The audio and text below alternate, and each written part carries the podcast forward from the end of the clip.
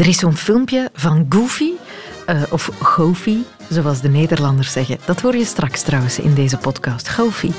Uit de jaren 50, getiteld Motor Mania. En aan het begin van dat filmpje leer je Mr. Walker kennen. Dat is een Goofy, gekleed als een net heertje. Mr. Walker lives in a quiet, respectable neighborhood. He is a typical average man. Uit de suburbs, een vriendelijk persoon. Hij is hoffelijk, zachtaardig en oprecht. He is a kindly man. Good morning, Mr. Walker. Good morning to you, Mr. Geef. Lovely day. Mr. Walker wouldn't hurt a fly, nor step on an ant. Hij zou geen vlieg kwaad doen. En dan zie je hem zijn garagepoort open doen om in zijn prachtige gele oldtimer te stappen en naar het werk te gaan. En dan gebeurt het. Abruptly he becomes an uncontrollable monster, a demon driver. Mr. Walker is now Mr. Wheeler. De goedaardige meneer Walker verandert spoorslags in een razende demon. Een gevoel van macht overvalt hem. En meneer Walker wordt meneer Wheeler. Get my road, move over! Hij krijgt het aan de stok met voetgangers, rijdt tegen anderen aan, schreeuwt tegen iedereen die hem ook maar een strobreed in de weg legt. Het is belachelijk herkenbaar eigenlijk. Come on, move over! Get out of the way, roadhog! Meer dan 70 jaar later zijn we en er is juist niks veranderd. Wij zitten ook nog altijd luid te vloeken tegen iedereen die ons pad enigszins verkeerdelijk kruist. Meer dan ooit zelf, zo blijkt uit onderzoek. Dus, verkeersagressie. Laat het ons daar eens over hebben. Welkom in de wereld van Sophie.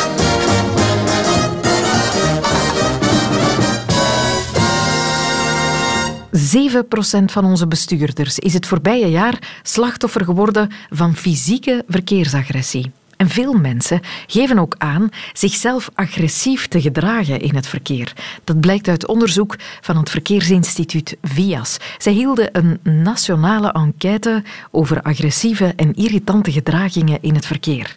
Maar wat verstaan we daaronder? Dat vroeg ik aan woordvoerder Stef Willems. Ja, dus je hebt langs de ene kant agressie. Dat kan gaan over verschillende vormen van agressie. Dat kan gaan van verbale agressie tot de obscene gebaren. Noem het maar gewoon de middenvinger die opgestoken wordt.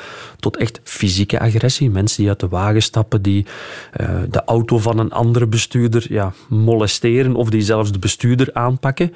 Dat is één luik. Het andere luik, heel vaak ligt aan de grondslag van agressie een fout van iemand anders. Hè. Mm, dat zijn die irritante gedragingen. Ja, niet noodzakelijk komt het elk irritant gedrag agressief gedrag voort, maar we willen toch graag in kaart brengen wat zijn nu de zaken die mensen irriteren. Zowel uh, hebben we dat gedaan voor de uh, autosnelwegen als voor de bebouwde kom. En dan zie je toch wel wat verschillen natuurlijk hè, op de autosnelweg met stip op nummer 1, grootste irritant gedrag, middenvakrijders. Mensen die ja, ja. moedwillig blijven rijden, vaak tegen een te lage snelheid. Iedereen kent dat natuurlijk wel. Uh, en dan heb je natuurlijk ook nog bumperkleven en steeds vaker melden mensen ook het gebruik van de gsm. En je kan dat heel goed zien. En mensen gaan dan zo wat slingeren van links naar rechts. En dat is natuurlijk uh, niet alleen irritant, dat is ook verboden en dat is natuurlijk ook zeer gevaarlijk. Ja, ja, ja. Als je dan gaat kijken naar de bebouwde kom, ja, dan, dan zijn er wat andere zaken die daar naar boven komen. Onder andere het niet gebruiken van de richtingaanwijzer. Mm -hmm. Dat is heel belangrijk, komen we daar straks misschien op terug, want je hebt niet zoveel middelen om te communiceren in een wagen. De richtingaanwijzer is typisch één van die zaken waar je wel kan doen om duidelijk te maken wat je intenties zijn. Dus als je dat niet doet, weet de ander niet wat dat je gaat doen en dat kan natuurlijk leiden tot misverstanden en tot agressief ja, gedrag. Dat zijn vaak de chique auto's. Uh, dat is mijn indruk. Maar dat die, zijn er optioneel, die zijn er optioneel. Hè. Ja, dat, dat, dat, is het mopje dat altijd verteld wordt natuurlijk. Uh, dus ja, we begrijpen dat heel erg goed, dat de richtingaanwijzer niet gebruiken. Hè. Maar soms gebeurt dat ook uit uh, echt vergetelheid. Hè. Mensen, mensen slaan af en die hebben daar geen acht op geslagen. En ja, daar, ook daar zullen we later op terugkomen. Ook dat kan aanleiding geven tot agressie. Mm. En dan natuurlijk ook ja, typisch in de bebouwde kom is is uh, mensen die een overvol kruispunt oprijden en zo eigenlijk al het kruispunt blokkeren. Hè. Het, is, ja. het is nog groen. Je ziet dat er eigenlijk al een hele hoop voertuigen staan en ze denken, we gaan er toch nog maar bij. Hè. Eentje, eentje een scheentje, we schuiven bij aan. Ja, gevolg, heel het kruispunt is geblokkeerd. Dat ja. zijn typische zaken. Ja, dat leidt tot irritatie. Niet noodzakelijk meteen tot grote agressie, maar het kan wel helpen om mensen steeds vaker ja, toch een beetje uh, emotioneel uh, te, te, het, het hart te doen pompen. Te, te, prikkelen natuurlijk, totdat de emmer overloopt bij sommige mensen. En dat gebeurt steeds vaker, zo blijkt. De verkeersagressie neemt toe. Welke cijfers vallen voor u op in dat onderzoek? Ja, ik vind het toch echt wel 7% die zegt slachtoffer geweest te zijn van fysieke agressie. Dat is toch veel. Ja, ja. hetzelfde voor het aantal mensen dat aangeeft. Ongeveer evenveel mensen geeft aan wel eens uit de wagen te stappen om een keer uit te vechten tussen aanhalingstekens. In Brussel ja, gaat dat over één, uh, één op acht eh, bestuurders die uitstappen.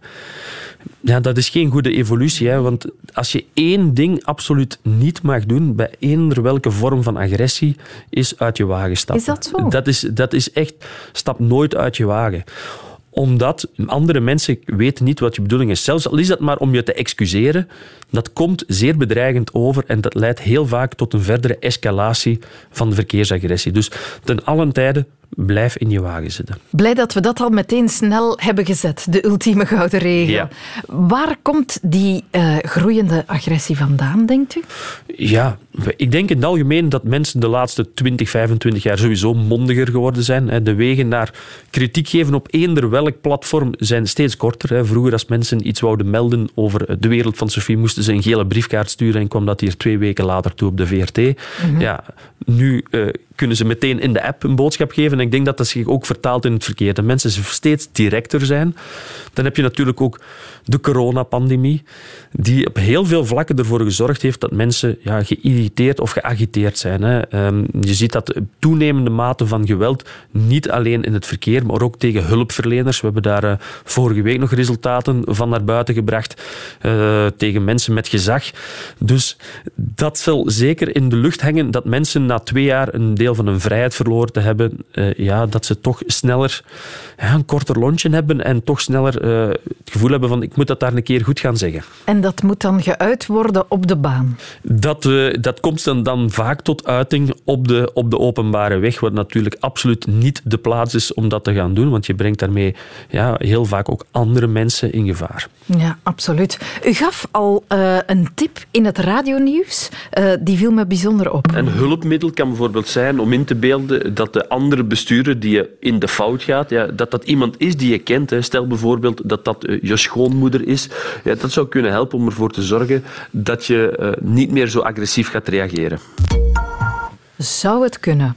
In sommige gevallen dat je inbeelden dat die andere chauffeur je schoonmoeder is, dat dat contraproductief gaat werken. Dat zou ook zomaar eens kunnen. Maar ik, kijk, het punt is, waarom eh, zijn mensen vaak agressief? Omdat je in zo'n wagen, je weet niet wie dat die andere persoon is. Die andere persoon is anoniem. Hè, en je kan pas heel laat meestal zien wie dat die andere persoon is. En dat is natuurlijk zeer essentieel. En daarom dat ik dat hulptrucje van de schoonmoeder, dat mag ook een schoonvader of een schoonbroer of uw, of uw neef of, of uw beste vriend zijn. Het gaat erom, beeld u in dat dat iemand is die je kent. En als je dan zo uitstappen, dan zou je die intentie van die andere heel anders gaan bekijken. Want de meeste fouten die mensen maken in het verkeer zijn niet intentioneel. Die zijn niet bedoeld maar het is onze interpretatie als bestuur dat we denken, allee, zit hij nu doen? Die doet dat expres voor mij te koeieneren. Incompetente zot. Ja, enzovoort enzovoort. En dan stapt hij uit en dan is dat uw beste vriend. Dan zeg ik, oh, hey, en als dat uw schoonmoeder is, in mijn geval, ik heb een geweldig toffe schoonmoeder, ja, dan wil je daar toch altijd graag bij op een goed blaadje staan als je dat inbeeldt, zeg oei, maar sorry, ja, maar, ah, ja, wat zeg jij? En als we dan nu eens allemaal die gedachtegang van iemand bekend voor de geest zouden halen, dat zou wel kunnen helpen om die eerste reacties, die eerste agressieve reacties, om die toch wat te temperen. Ja, zijn er nog tips uh, naast de gouden regel, stap niet uit de wagen als de agressie jouw kant op komt. Denk aan je schoonmoeder als je kwaad wordt. Uh, nog iets dat we in onze broekzak kunnen steken? Ja, ja, ik denk dat het echt belangrijk is voor te weten dat zelden de fouten echt bedoeld zijn. Mm Mensen, bijvoorbeeld, eh, types eh, als iemand de weg aan het zoeken is hè, en die heeft zo'n GPS en dat is soms niet altijd duidelijk op die GPS, moet nu de eerste of de tweede straat. Je, rijdt daarachter en automatisch beginnen mensen al op de klakson, maar ik denk dat dat voor iedereen zeer herkenbaar is, die situatie van oei, ik weet het hier niet, ik ben hier iets aan het zoeken probeer je even in te beelden en in de plaats te stellen van die andere persoon, van het zou mij ook kunnen overkomen. Je ziet dat eigenlijk bij alle vormen van agressie, want we spreken hier nu heel vaak over agressie tussen autobestuurders, maar je ziet dat ook uh, tussen fietsers en voetgangers. Dat ging ik nog vragen. Ja. Is, die agressie anders of minder tussen voetgangers en fietsers? of Ja, het- de essentie van het verhaal is dat heel wat mensen gebruiken wel eens de fiets, gaan wel eens te voet, rijden met de wagen. En als ze dan agressief reageren ten opzichte van een fietser of ten opzichte van een voetganger, vergeten ze dat ze ook vaak in die positie zitten. En dat is eigenlijk wel een heel belangrijk element dat je ja, je moet je proberen te verplaatsen in de vervoersmodus van die andere persoon en niet noodzakelijk denken van ik zit hier in mijn wagen, ik ben de automobilist, ik ben hier in mijn groot gelijk, want ik heb hier de sterkste, de grootste, de breedste wagen. Dus dat is wel een essentieel element. Probeer rekening te houden met elkaar. Dat is eigenlijk de hoofdboodschap van die week van de hoffelijkheid achter het stuur. Probeer je eens een keer te verplaatsen, ook in de gedachtegang van iemand anders. Want uiteindelijk, wat is mobiliteit? Dat is proberen te zorgen dat je van punt A naar punt B geraakt Met z'n allen. met z'n allen, liefst op een zo veilige en vlotte manier. En dat is het punt natuurlijk. Heel vaak denken mensen, het gaat over mij en mijn individuele mobiliteit. Ik moet zo snel mogelijk van punt A naar punt B. En alles wat dat daartussen komt, dat die gedachtegang verstoort, leidt tot frustratie en soms agressie. Een beetje mededogen, daar komt het op aan. Een beetje meer empathie op de baan. Ja, eh, dat is niet alleen goed in het verkeer, dat is goed voor alles in de maatschappij, maar zeker ook in het verkeer, want je brengt het, en dat, dat is wat mensen vaak vergeten, door, eh, door roekeloos te zijn, door agressief gedrag te vertonen, breng je ook andere mensen in gevaar. Duidelijk. Maar beseffen mensen het wel altijd, hoe agressief ze zijn in het verkeer? Brecht de Volderen trok de baan op en vroeg het aan iedereen die hij passeerde of zij zich al wel eens schuldig hadden gemaakt aan verkeersagressie. zelden te, te snel of eh, boetes krijgen of, of probeer mezelf wel eh, een beetje te beheersen. Nooit enige vorm van agressie opgemerkt bij jezelf of, of, of ergernis? Of, nee? Hoogtens is met mijn lichten flitsen. U bent dat, ja. Ja, ja, ja, dat ben ik, ja. En wat moet er gebeuren om eens te flitsen? Want Eh, iemand die plots van vak verandert. Of iemand die te lang treuzelt. Oei, spreek ik mezelf nu tegen? Ja, hè. nee, u reed rustig en iemand anders was nog rustiger. I- eh, Ja, ja, ja. Ik denk dat te traag rijden op een autosnelweg veel gevaarlijker is dan te snel. En u corrigeert dat dan met de lichten? U legt mij hier weer woorden in de mond. Nee. Nee, nee, nee, nee ik, probeer mij een beeld erbij te vormen. eh. Eh, u ziet mijn wagen. Ja, het, het lijkt nu niet dat ik eh, de mensen van de, van de kant ga rijden hiermee. Ja, ik woon in Brussel en ik rij ook altijd in Brussel, dus dan past je rijgedrag ook wel altijd aan. Dus ik denk dat ik misschien wel iets assertiever ben in het verkeer dan eh, iemand die, zeg nu maar, in Limburg met de auto rijdt. Want dat is wel nodig in Brussel. Ik moet nu zeggen, ik heb een zoontje van twee jaar en ik heb me daar toch al op betrapt als ik vloek in de auto, dat hij dat wel herhaalt. Dus dat dat wel misschien iets meer naar boven komt in de wagen dan ergens anders.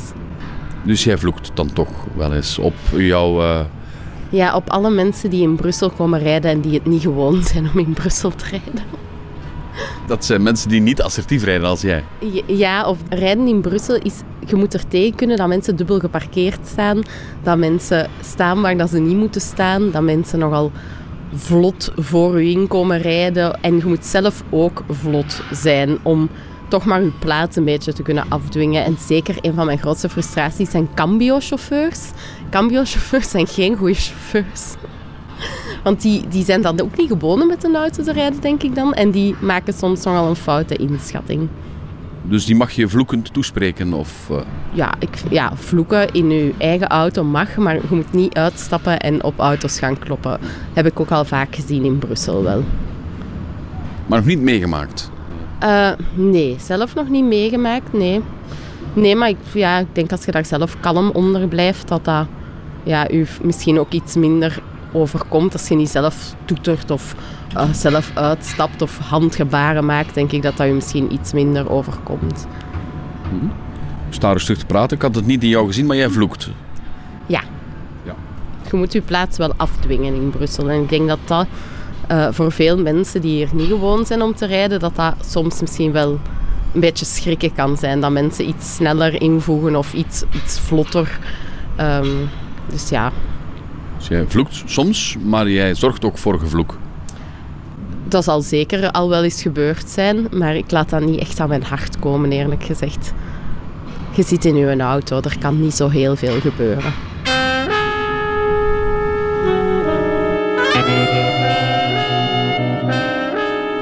Uh, waar ik echt wel een hekel aan heb, is als ze zo bijvoorbeeld beginnen in te voegen waar het nog niet echt mag of zo. En dan eigenlijk een beetje proberen toch wel een beetje voor te steken. En dan, dan beginnen ze nog verder te gesticuleren. Dat, dat, dat houdt niet op mee met, met ene keer uh, te kijken. Dus dat kan soms wel gebeuren dat dat blijft duren. Ja, maar ik doe dan altijd zelf, dus sorry. Uh, dan, als je zelf niet, niet agressief reageert, dan houdt het meestal wel op. Dan, dan neem je wel even mee zo. Ja, daar schrik je wel van.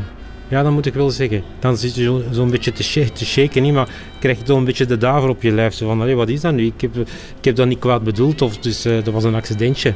Maar de andere mensen reageren daar soms wel anders op. Op een, op een straat waar we met 50 per uur mogen rijden, mogen we ook speed, speed pedelecs rijden. En dat vinden uh, auto, autochauffeurs uh, niet zo leuk. En dan krijg je agressief gedrag. Ze willen ons voorrijden, toeteren, leiden ons de kant in. allerlei opmerkingen. Dus dat is niet, niet fijn. Merkt u iets van een soort stijgende agressie in het verkeer? Ja, ik zeg juist, vooral, vooral op de speedpedelekkers is het, is het uh, ja, heel agressief. En jullie fietsers zijn nooit agressief natuurlijk, hè? Ik, ik, ik, ik spreek enkel voor mezelf, niet voor andere fietsers. Ik ben nooit agressief. Nee, ik denk niet dat jouw wagen mij verandert. Ik zal eerlijk zijn, ik ben al van mezelf geschrokken. Uh, toen ik mezelf hoorde vloeken en dacht, oei, ik wist niet dat het in mij zat zelfs. Maar het was wel in het verkeer en in de auto. En... Maar is dat, is dat verkeersagressie? Als je, als je in uw, in uw auto... Oh, oké. Ah, nee. Ah, oké, oké. Dan moet ik toch mijn mening herzien. Misschien ben ik dan toch niet zo zachtaardig. Ik vloek wel eens, hè. En er zijn ook bepaalde merken van auto's die geen richtingaanwijzers hebben. Daar ben ik van overtuigd. Maar ja, ik, ik, ja, ik kan er wel eens even boos om zijn, maar is dat agressie? Nee. Ik, zal die men, ik begin niet te toeteren, ik zal niemand de, de, de weg afsnijden. Dat is voor mij verkeersagressie. Of een... een beetje vertragen als er zo eentje achter u hangt? Dat wel, hè? Is dat agressie? Dan is iemand even wijzen op, oei, hier je maar 120. Als je maar 120 mocht, dan rijd ik 120.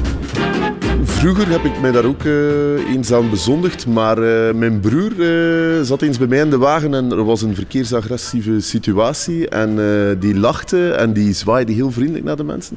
En de mensen waren daardoor nog lastiger een fout, iemand maakt een fout en jij zwaait en glimlacht vriendelijk. Als je voelt dat de persoon uh, agressief is of die, die foute dingen zou kunnen doen, ja, op die manier ja. En ik moet zeggen, dat is ook wel grappig op zich. Uh, soms uh, escaleert het dan, worden de mensen nog iets kwader, maar goed, meestal, ik rij enorm veel op de autostrade, dus als er, als er zich iets voordoet, is dat meestal op de autostrade, dus voilà, dan rij je rustig verder. Toen ik 18 jaar was, ben ik ooit achtervolgd geweest. Uh, en dat was een grote les achteraf. Uh, heb ik een enorme schrik gepakt toen. En uh, sindsdien ben ik daar heel rustig in geworden. Ja. Achtervolgd, als in kilometers lang? Ja, ja, ja, ja, ja, ja. Maar ik was toen een klein, jong manneke. En ja, dat was wel angst aan ja, dat weet ik nog goed. Ja, ja. Maar achteraf, die persoon is toen nog tegengehouden geweest door de politie. Dus, en die had te veel gedronken en die was... Ja, de politie heeft toen eh, de situatie kunnen neutraliseren. Ja. Vorige week heb ik wel nog verkeersagressie gezien. Het zijn. Maar ik denk dat dat daar wel vaker gebeurt. En toen was er echt iemand uitgestapt. Dat, dat, dat was wel een van de keren dat ik dacht van... Amai, nu gaat het er toch wel... Maar toen zat ik zelf niet in de auto, dus... En je lacht er een beetje mee. Plezant? Niet plezant, maar ik snap niet dat mensen zich daar zo in kunnen opjagen dat die echt uitstappen. Dat snap ik echt wel echt totaal niet. Dan denk ik van ja, iedereen maakt wel eens een fout. En als je dan eens iemand de pas afsnijdt, dan kun je tenminste verontschuldigen. Of eens, maar om daar vooruit te stappen vind ik wel een brug te ver. Wat ik de laatste jaren heb, dat is mij ouder te worden, jammer genoeg, is eh, in paniek soms schieten. Hè. Als zo iemand u voorbij schiet, dat ik echt zo schrik, dan had ik vroeger veel minder. Maar vroeger, en niet dat het allemaal beter was, want dat klinkt zo antiek, maar vroeger was het wel rustig. Allee, er was minder verkeer. En met een bedrijfswagen heb ik de indruk dat de mensen agressiever geworden zijn. Plus natuurlijk ook de red race waarin we zitten. Hè. Het is zeker erger geworden. Met de jaren, ik heb het de laatste jaren echt zien, uh, zien groeien. En ik rijd toch echt al jaren, ook in de stad, in Brussel, in Antwerpen, in Gent. Dus, uh, maar in Brussel, ik rijd liever in Brussel dan in Antwerpen. Want in Antwerpen uh, ik ben zelf van die kanten, maar ik vind de Antwerpenaars zijn wel arrogant, vandaar. Moet u Brussel in of Antwerpen nu? Ik rijd nu richting Antwerpen. Oei, dat is oeh, gevaarlijk. hè. nee, de A12. Ja, dat valt nog mee, maar dan komt die stad. eh, Ja, maar ja, ik, ik, moet, eh, ik, ik, eh, ik woon voor de stad. Dus ik, ik, mag er, ik heb het geluk dat ik eraf mag op het moment dat het eh, heel druk wordt. gevaarlijk, wou ik zeggen. Ja, inderdaad. Waar de gevaarlijke kruispunten zijn. Die vermijd ik zelfs tegenwoordig. Ik pak soms de binnenwegen langs achterdoor als ik ergens moet zijn. Maar gevaarlijk in de zin van agressief. Mensen zijn. Agressief, ja. En, en, ja, en iedereen is met zijn eigen bezig en, en, en te snel rijden. Terwijl dat daar eigenlijk helemaal niet de, moment, dat daar de moment niet is om snel te rijden. Iedereen is vooral met zijn eigen ding bezig, dat zegt die laatste mevrouw. Is dat de reden? Of speelt er meer mee? Misschien heb je gewoon een slechte dag. Of misschien ligt het gewoon aan je karakter. Of allebei. De volgende getuige wijt het alvast aan de aard van het beestje. In 2018 werd hij per ongeluk de pas afgesneden. En hij deed niet wat Stef Willems daarnet aanraadde: in de auto blijven zitten. Met alle gevolgen van dien.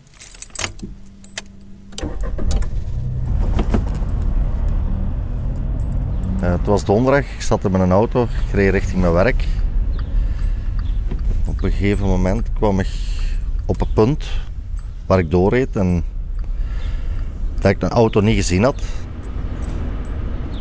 Ja, die begon te klaksoneren en ja, hij stak me voorbij.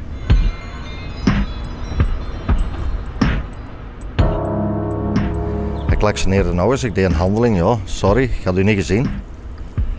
En toen begon hij voor me te rijden en plotseling gooide hij alles dicht. Moest ik alles op de rem.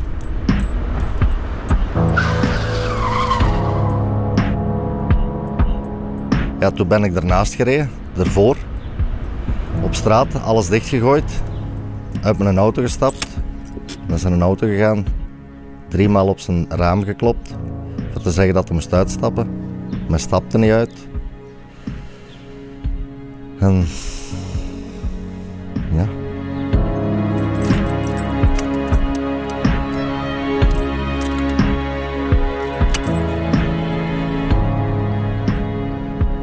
Ik was kwaad. eh, dat was een explosie zo, ja. Dat was een moment van, weet. Die gooide alles dicht. Ja, je moet plots zelf reageren dat je niet ja, er van achterin knalt. Ik rijd er langs, schuin over straat, ik blokkeer alles. Ik ben in mijn auto gestapt, maar ja, er kwamen ook auto's af van de andere kant. Ik zeg ja, en toen ben ik maar verder gereden, verder naar het werk. Eh, ja. En er was frustratie zeker, met werk ook en zo, en alles op een hoop. Ja, ik was zelfstandig, ik had 20 man werkvolk. eh, ja, dat was redelijk druk, hè. Druk met werk, druk. Ja, alles op een hoop eigenlijk.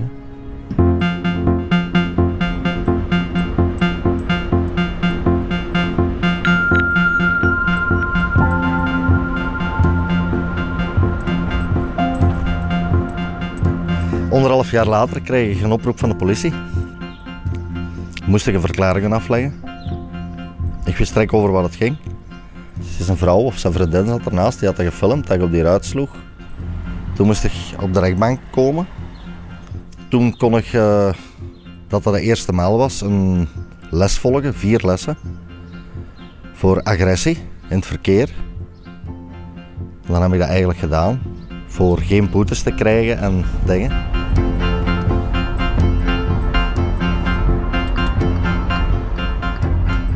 De vorming bij VIAS, eh, de eerste les, was gewoon kennismaking. En iedereen leren kennen die er was. Ieder mocht voor zich spreken wat hij meegemaakt had. Er zaten bijvoorbeeld ook veel mensen die te hard gereden hadden, veel te hard. Maar het was eigenlijk meer over het verkeer als over agressie. Die vier lessen, we hebben die gedaan, die vielen mee. Ja, ik heb geleerd, ja, probeer zoveel mogelijk rustig te zijn, zeker in het verkeer.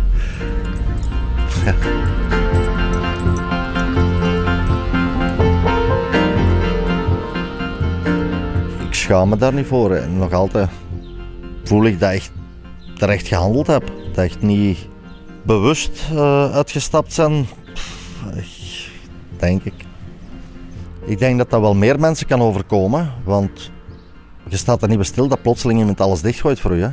Ja, er zijn erbij misschien die blijven zitten, die geschrokken zijn. Ik denk dat wel, dat dat iedereen kan overkomen. Ik denk dat wel. Ja, op de baan rijden veel mensen, denk ik, die het uitdagen doen voor andere mensen. Toch proberen op zijn paardje te krijgen en ja,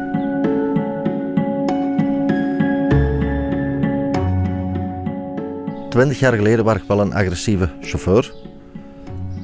Kort op iemand rijden. Heel rap opgejaagd voor iemand die zijn pinker niet gebruikte. En middelvinger heb ik nooit gedaan. Dus ik heb wel altijd trek uitgestapt. Dat wel. Altijd. En die ene keer had ik pech. ja, pech. Maar er zijn er ook veel die mij uitgedaagd hebben. Die ik dan toch nog achtervolgd heb. En die ik dan toch aan de rode lichten dan toch kunnen benaderen heb. Stond voor het en ik ben gewoon van achter zijn auto gereden. Hè. Ah ja, dat is zeker zo uitstappen. Hè.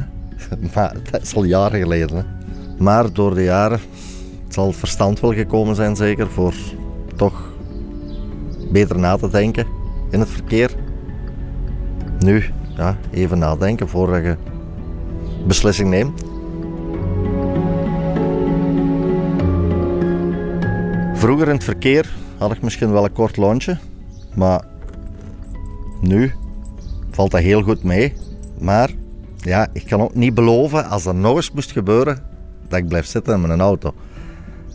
Sommige momenten wel, maar sommige momenten niet. Karakter zeker. Persoonlijk karakter, ik weet het niet.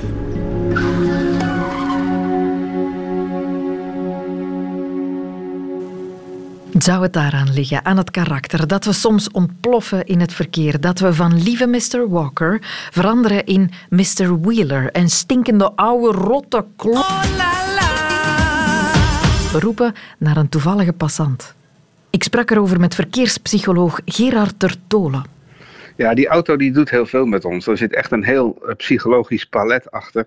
Uh, ten eerste uh, voelen wij ons in de auto anoniem. Dat betekent dat wij het gevoel hebben dat we niet op onze eigen daden als persoon aanspreekbaar zijn. Dus hè, je zit in je auto, stalen kokon en je rijdt wat sneller. Dus dan heb je het gevoel van ik ben niet goed zichtbaar. Wat ik doe is mijn auto en niet dat doe ik zelf ben ik minder zichtbaar. En wij hebben weten uit psychologisch onderzoek dat mensen die anoniem zijn of zich anoniem voelen, dat die grenzen gaan verleggen. Mensen die denken van ik ben niet aanspreekbaar op mijn zaken, die gaan dingen doen die ze normaal niet zouden doen.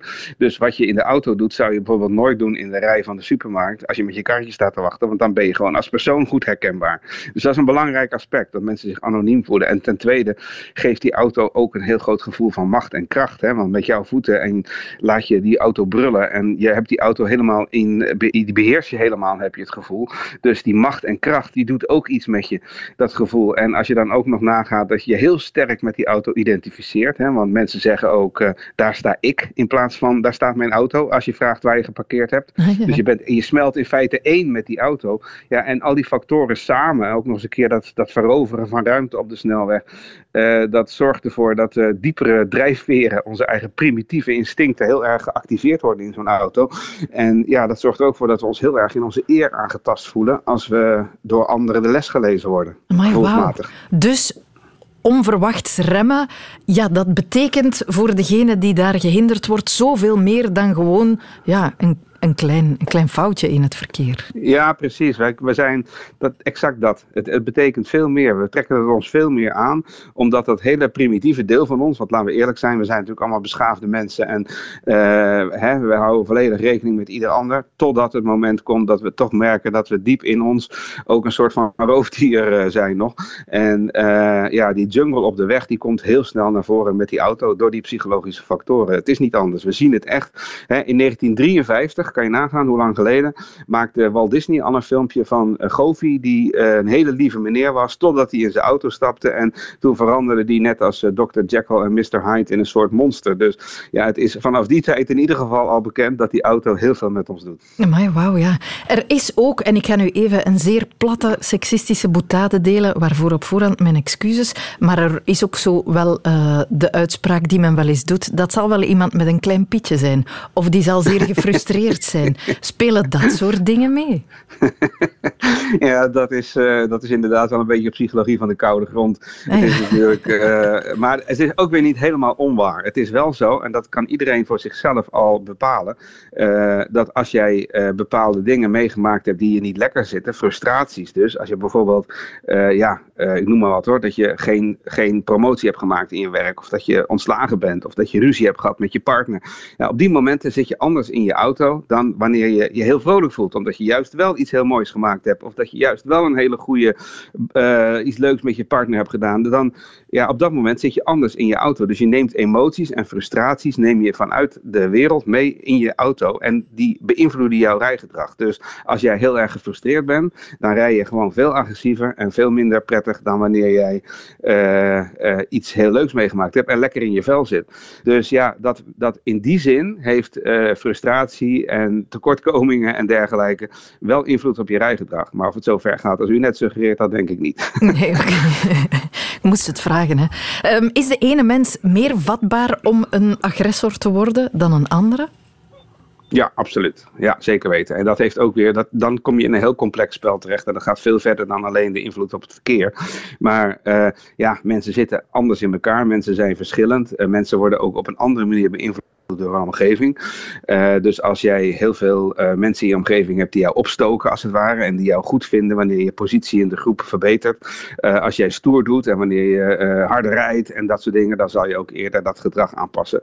In die negatieve zin in dit geval. Je ziet ook dat jonge automobilisten heel kwetsbaar zijn voor, ja, voor ongelukken en voor fouten in het verkeer. En jonge, jonge mensen die net hun rijbewijs hebben, die zijn ook, ja, de hersenontwikkeling is daar ook nog anders. Ze zijn veel, veel beïnvloedbaarder door de groep. Dus als jij dan hoort van, joh, ga eens wat harder rijden, want dit slaat nergens op, dan zou je dat veel eerder doen als je jong bent. Die hersenontwikkeling, dat je, dat je, dat je gedrag ook gevolgen heeft voor lange termijn, dat het gevaarlijk kan zijn, ja, die komt eigenlijk pas rond je 25e tot stand. Dus die periode 18-25 is ook een hele gevaarlijke periode. Dus iedereen verschilt daarin. En dat heeft met heel veel factoren te maken. Ja, ik heb uh, nu toevallig botste ik op het internet op een artikel uh, waarin uit een studie zou blijken dat mensen met meer stickers op de wagen vaker in incidenten rond verkeersagressie betrokken geraken. Heeft u dat al gehoord?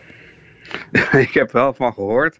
Maar ik moet eerlijk zeggen dat ik dat soort onderzoek met een klein korreltje zout neem. Mm -hmm. uh, meer stickers op de auto, want er zijn meer factoren die dan spelen. Wat ik me dan wel kan voorstellen is dat als je mensen hebt die de auto helemaal pimpen. Hè, dus dat je zo'n auto ziet die, uh, ja, die zeg maar laag bij de grond gemaakt is en die grote spoilers heeft en die uh, felle kleur heeft. Dan denk van ja, die mensen die willen zich echt heel graag laten zien met die auto. En die zijn dus inderdaad meer dan gemiddeld gesteld op snelheid en op uh, je, ja, je, jezelf een positie geven door middel van je auto.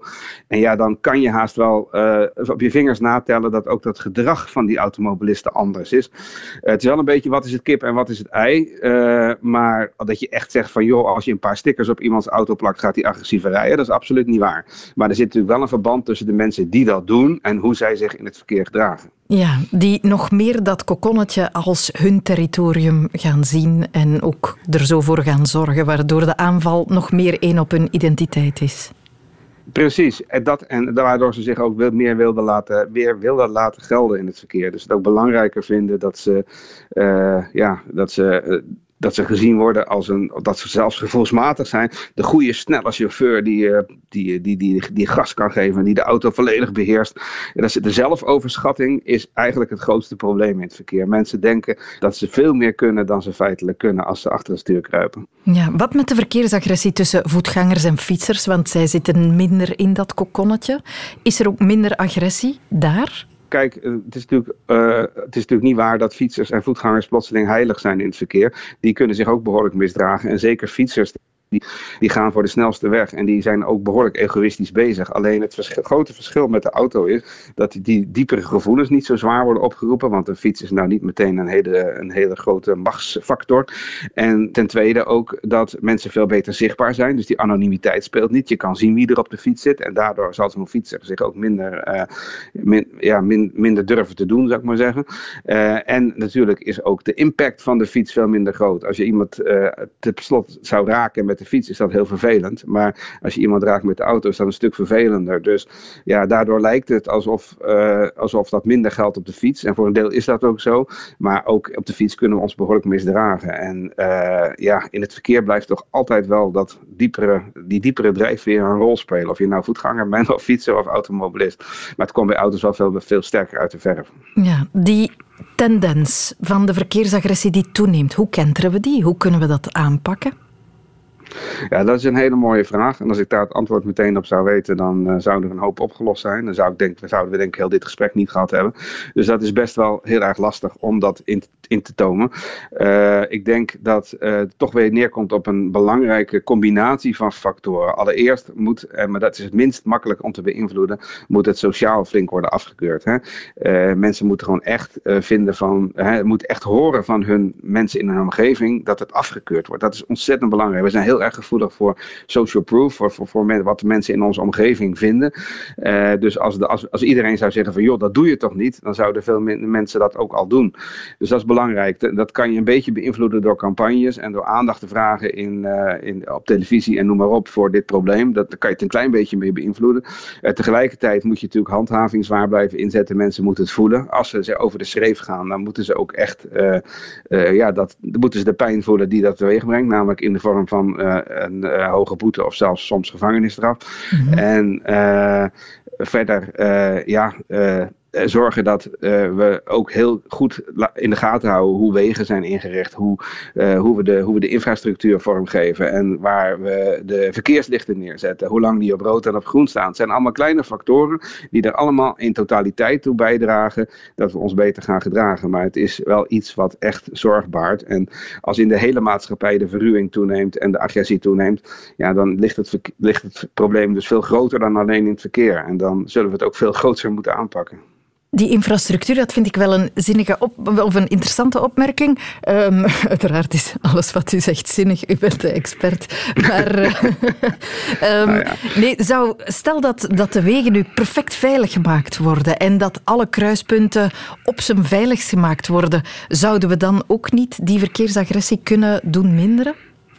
Nou ja, het scheelt een hoop. Ik zeg ook, ik, ik, vlieg het zelf altijd aan van zorg eerst dat de infrastructuur goed in elkaar zit en uh, ga dan de andere factoren bekijken. Maar het blijft natuurlijk een feit dat wij mensen zijn en dat we dus blootstaan aan allerlei uh, ja, uh, driften, zou ik maar zeggen, en ook allerlei impulsen, want het is heel vaak impulsief gedrag. Je denkt er niet goed over na, maar het gebeurt je gewoon. En dan uh, is het niet zo dat je met infrastructuur alles kan regelen. Want er blijven mensen die er overheen rijden. Het blijven mensen die harder willen dan de toegestaande snelheid. Het blijven mensen die uh, gefrustreerd raken als ze uh, denken dat ze verkeerd worden ingehaald. Of die boos worden als er iemand achter hun toetert omdat het al een tijdje groen is. Dat zijn allemaal menselijke factoren die je nooit 100% kan ondervangen met de infrastructuur. Maar je moet daar wel beginnen. Je moet zorgen dat de wegen en de infrastructuur goed in elkaar zitten. Gerard Tertolen, verkeerspsycholoog. Het is de moeite om elke mogelijke oplossing aan te grijpen. Want hoewel je een deel van de verkeersagressie kan wegzetten als onschuldig, een vloekenwoordje hier, een middelvinger daar, in sommige gevallen gaat het wel echt gewoon te ver. En dan staan er levens op het spel. Zoals in het geval van Jozef. Toen hij met zijn vrouw vorige zomer naar zee reed, kruiste zij het pad van een waanzinnige chauffeur. Je kan het niet anders noemen. Zijn vrouw begon op een bepaald moment te filmen. En die beelden gingen nadien in geen tijd viraal. Centrale politie? Mevrouw, ik heb hier dringende hulp nodig richting Oostende, Brugge Oostende. De verkeersagressie, Mercedes, donkergrijs, die heeft mij al drie keer van de baan willen rijden. Die slingert hier tegen 300 per uur over de autobaan. Die is gek, Jan, die is gek. Die rijdt mij gewoon van de kant, hè, mevrouw.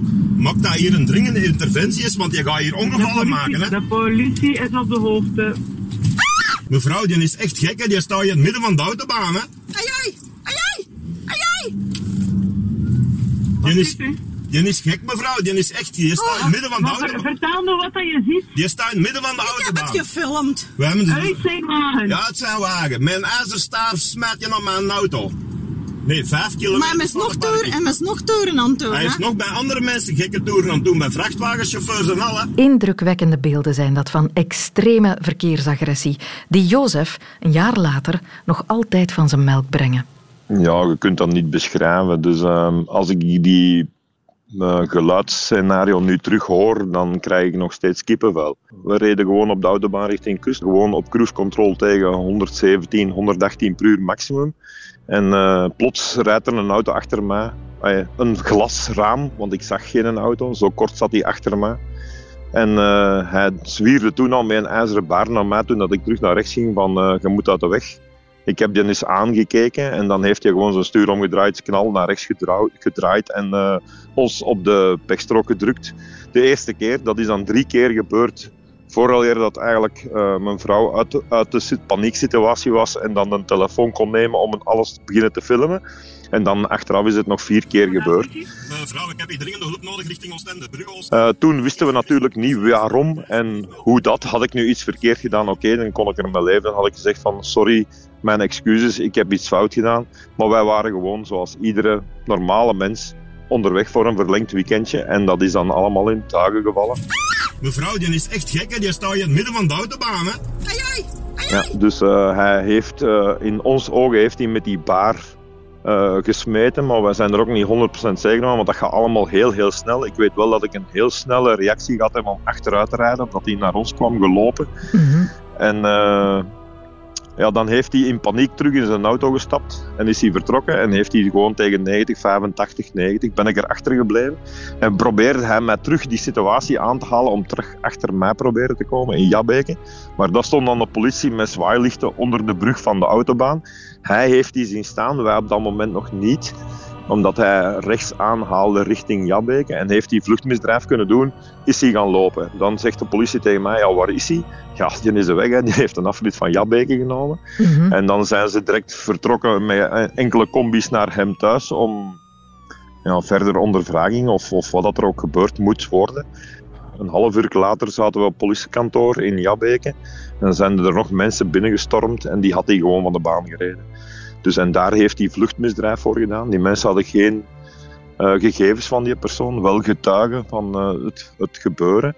Dus die mensen die hadden dan blikschade. Ik heb geluk gehad dat ik geen blikschade had. Ik heb eh, hem kunnen ontwijken, meerdere malen, hè, zoveel als hij mij klem gereden heeft.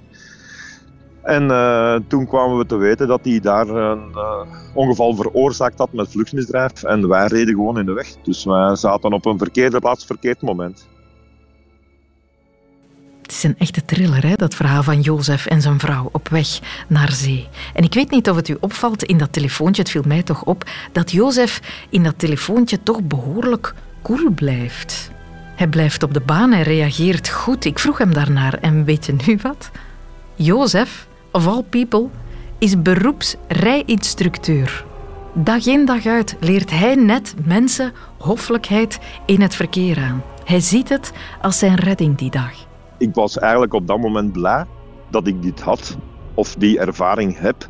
Want op eh, hetzelfde de week later hadden wij een feest georganiseerd. Met de corona was al twee jaar uitgesteld. En eh, wij zeggen dan nu nog steeds, het had een begrafenis kunnen zijn in plaats van een feest. Dat blijft eh sidderen in uw geheugen, want ik rij heel veel richting Brugge. Vorige week ben ik elke dag bijna richting Brugge gegaan. En eh, ik passeer dan die plaats en telkens weer word ik geconfronteerd met hier heb ik toch wel geluk gehad. We hebben ook medische eh, hulp gezocht. Hè. We zijn zelfstandig, dus het is niet van de evident van te zeggen we blijven hier maar thuis en we gaan niks doen. Maar ik heb daar toch wel een maand, anderhalf maand eh, werkverlies mee gehad dat ik niet kon, ik kon niet slapen. Dus ik, ik, ik stond 's morgens uit mijn bed als een lijk. En, en eh, ik, ik was eh, echt vermoeid eh, van een hele nacht daaraan wakker te blijven en wakker te, te liggen. En dan heb ik al mijn opdrachten moeten annuleren. Gewoon om de reden, ik, ik was geen mens geweest om mijn werk uit te oefenen. En eh, eh, dan heb ik wel via de dokter zo wat hulp gekregen en, en zeggen van kijk, dit en dat. We hebben ook een aanbod gekregen van hulpverleners, maar we hadden daar geen tijd voor om daar naartoe te gaan of dat die mensen bij ons kwamen, want bij ons eh, moest op dat moment het werk voorgaan, want ik had heel veel annulaties. We zaten ook nog mee in de achtergrond met die corona, dus eh, het was niet allemaal evident.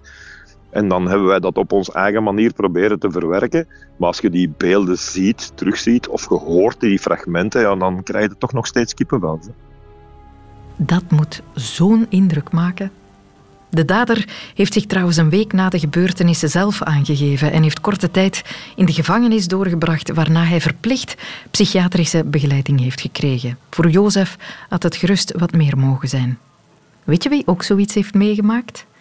Gary Newman, de muzikant. Op een dag in Londen, druk verkeer en zo, ontstond een conflict met de chauffeur van de wagen voor hem, waarop die uitstapte, nog zo'n gouden regelbreker. En met zijn maat samen probeerde die gast Gary Newman uit zijn wagen te krijgen om erop te kloppen.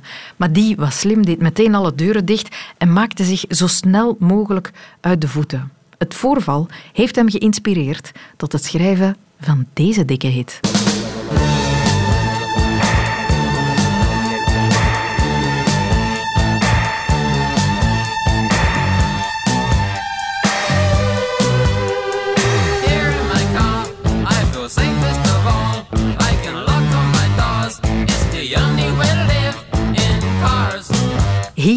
Auto voel ik mij het veiligst van al.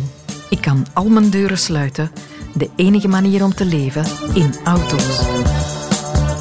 En daarmee verwijst hij ook naar dat kokongevoel. Maar, vroegen we ons af, als de anonimiteit van ons kokonnetje, de auto, onze territoriumdrift op de baan ons ertoe brengt om zo agressief te worden, betekent dat dan dat er geen verkeersagressie bestond voor de uitvinding van de auto? Helemaal niet. Bart Bogaert. Het is eh, van alle tijden. Ik, ik ben even in wat eh, oude Romeinse eh, bronnen. Dat is oké, zo oud. Ja, ja, ja, ja. Eigenlijk is het antwoord gewoon, we, we doen aan verkeersagressie of we vertonen verkeersagressie omdat we mensen zijn. Het, het is altijd zo geweest van zodra we buiten komen en ons op de openbare weg begeven, dat we elkaar ergeren en dat we ruzie krijgen. Eh, ook eh, ja, in een stad als Rome dat is een stad die een enorme groei heeft gekend. En je ziet dat dat stratenplan niet organisch is meegegroeid met eh, die enorme boost in die stad. En je ziet dus dat je nog altijd heel nauwe, kleine wirwar van straatjes krijgt. En ja, je merkt dat daar al heel snel klachten over komen, over de drukte, het, het verkeer dat zich vastrijdt, karren die eh, niet kunnen kruisen omdat de straten te smal zijn, bijvoorbeeld. Er zijn klachten over geluidsoverlast van de met metaal beslagen karrenwielen.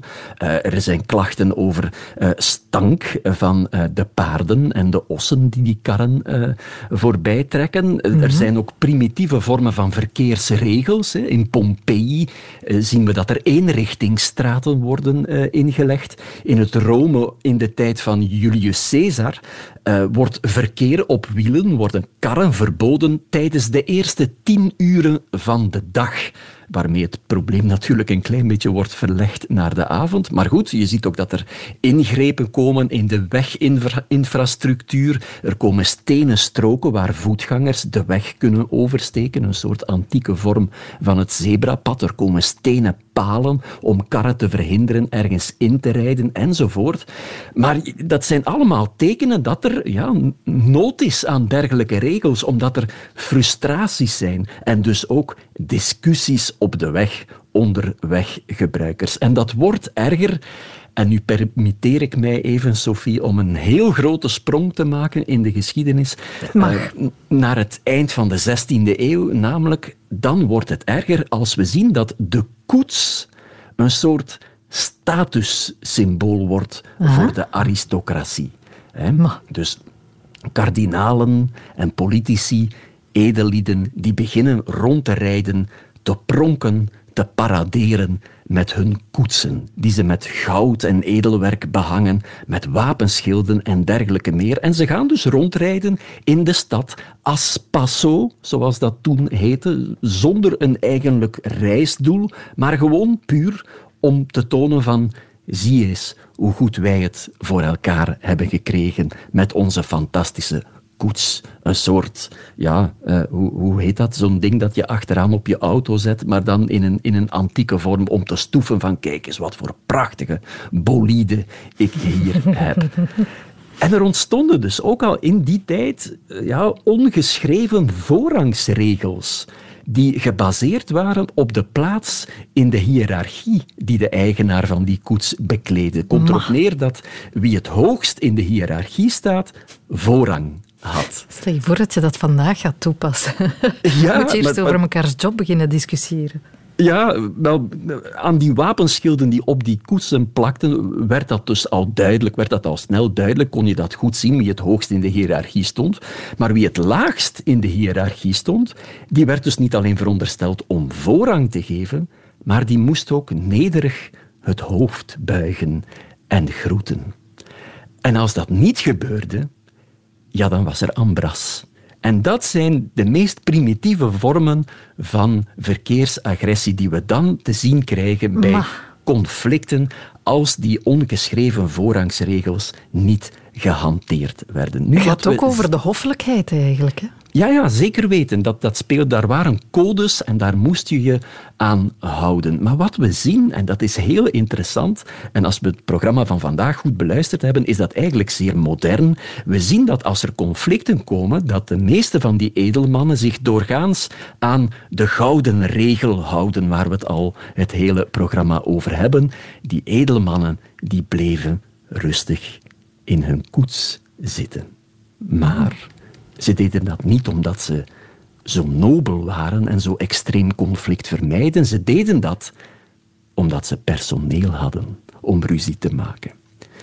Die koetsen die werden namelijk voortgetrokken door paarden, vaak zes paarden, gespannen met zes paarden of zelfs meer. En die hadden dus ook een koetsier die niet in de koets zelf zat, maar boven op de bok, de bestuurder van de koets dus eigenlijk. En ze hadden niet alleen een koetsier, ze hadden ook een groep schildknapen die voor dat gespan liepen of achter dat gespan om in het beste geval andere minderwaardige weggebruikers voorzichtig te waarschuwen van kijk jongens, er komt een koets aan, misschien is het veiliger dat je even aan de kant gaat staan. Maar in het slechtste geval, ja, dan duwden die die weggebruikers gewoon brutaal uit de weg en ontstonden er discussies. Die schildknapen, dat personeel dus van die edellieden, die hadden dus ook in die tijd een zeer slechte reputatie, omdat ze zich al dan niet in opdracht van hun baas, die dus mooi in de koets zit, heel agressief gingen gedragen. En zo zijn er tientallen voorbeelden bewaard gebleven van hevige discussies, ruzies die op de weg zijn ontstaan. Een voorbeeld, zondagmiddag 5 januari 1648, heel gedetailleerd beschreven. De hertog Giuliano Cesarini en de markies Filippo Corsini, die zijn allebei onderweg met hun koets naar een pauselijke audiëntie bij paus Innocentius X in het Vaticaan. En ze komen alle twee aan ter hoogte van het ghetto. En daar heeft markies Corsini het idee om hertog Cesarini in te halen, voorbij te steken. En bij dat manoeuvre raakt hij de koets van Cesarini aan de zijkant. Bovendien had Corsini nagelaten om Cesarini gepaste eer te betonen en hem te groeten. Waarop Cesarini in een colère schiet en aan zijn koetsier de opdracht geeft om aan de teugels van Corsini's koets te gaan trekken, zodat de koets brusk tot stilstand komt. Uiteindelijk rijden ze allebei verder tot, eh, tot bij eh, het Vaticaan. Maar op een bepaald moment zitten ze dus samen op de paus te wachten in de Sala Regia en gaat de discussie verder van wat was dat daar aan het ghetto, wat probeerde je daar allemaal te doen? Een hele discussie ontstaat en het gaat zo ver dat Corsini Cesarini uitdaagt voor een duel aan de Piazza di Termini, waar nu het treinstation staat. Cesarini die gaat akkoord, maar hij had door het zware Toscaanse accent van Corsini de plaats van afspraak niet goed begrepen. Hij dacht dat ze aan de Piazza di Trevi Oh nee. moesten zijn. Dus het is er niet van Precies de gekomen. kampioenen.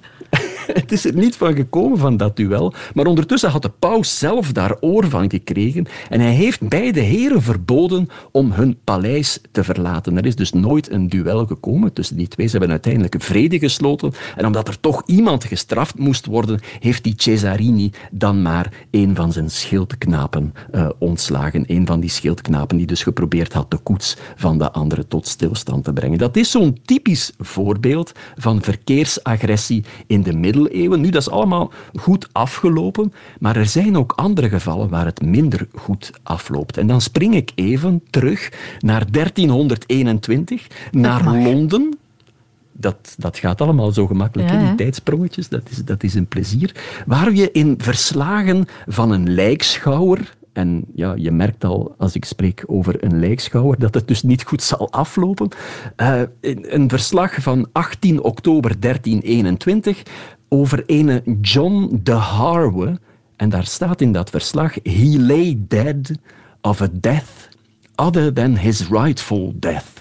Dus hij lag dood ja, overleden aan een... En, en hij was Ja, dood ook. Hij was nog eens dood ook. Het is een heel rare zin. Het komt erop neer dat hij niet op een normale manier aan zijn eind is gekomen. Maar hij lag dus dood in een zolder die hij huurde van een Robert de Pelham. En die Robert de Pelham die had dan die lijkschouwer verwittigd enzovoort. Die lijkschouwer komt samen met de sheriff ter plaatse. Er is ook wat volk uit de buurt opgetrommeld om te onderzoeken wat er nu precies gebeurd was met die John de Harwe.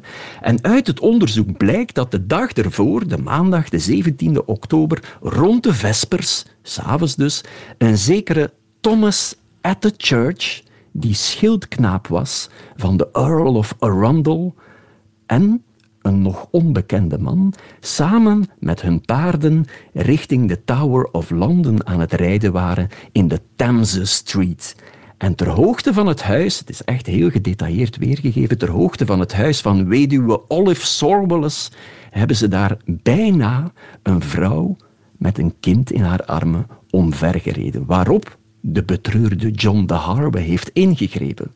En hij heeft die Thomas at the Church aangesproken en heeft hem gevraagd: Kan u alstublieft wat voorzichtiger rijden?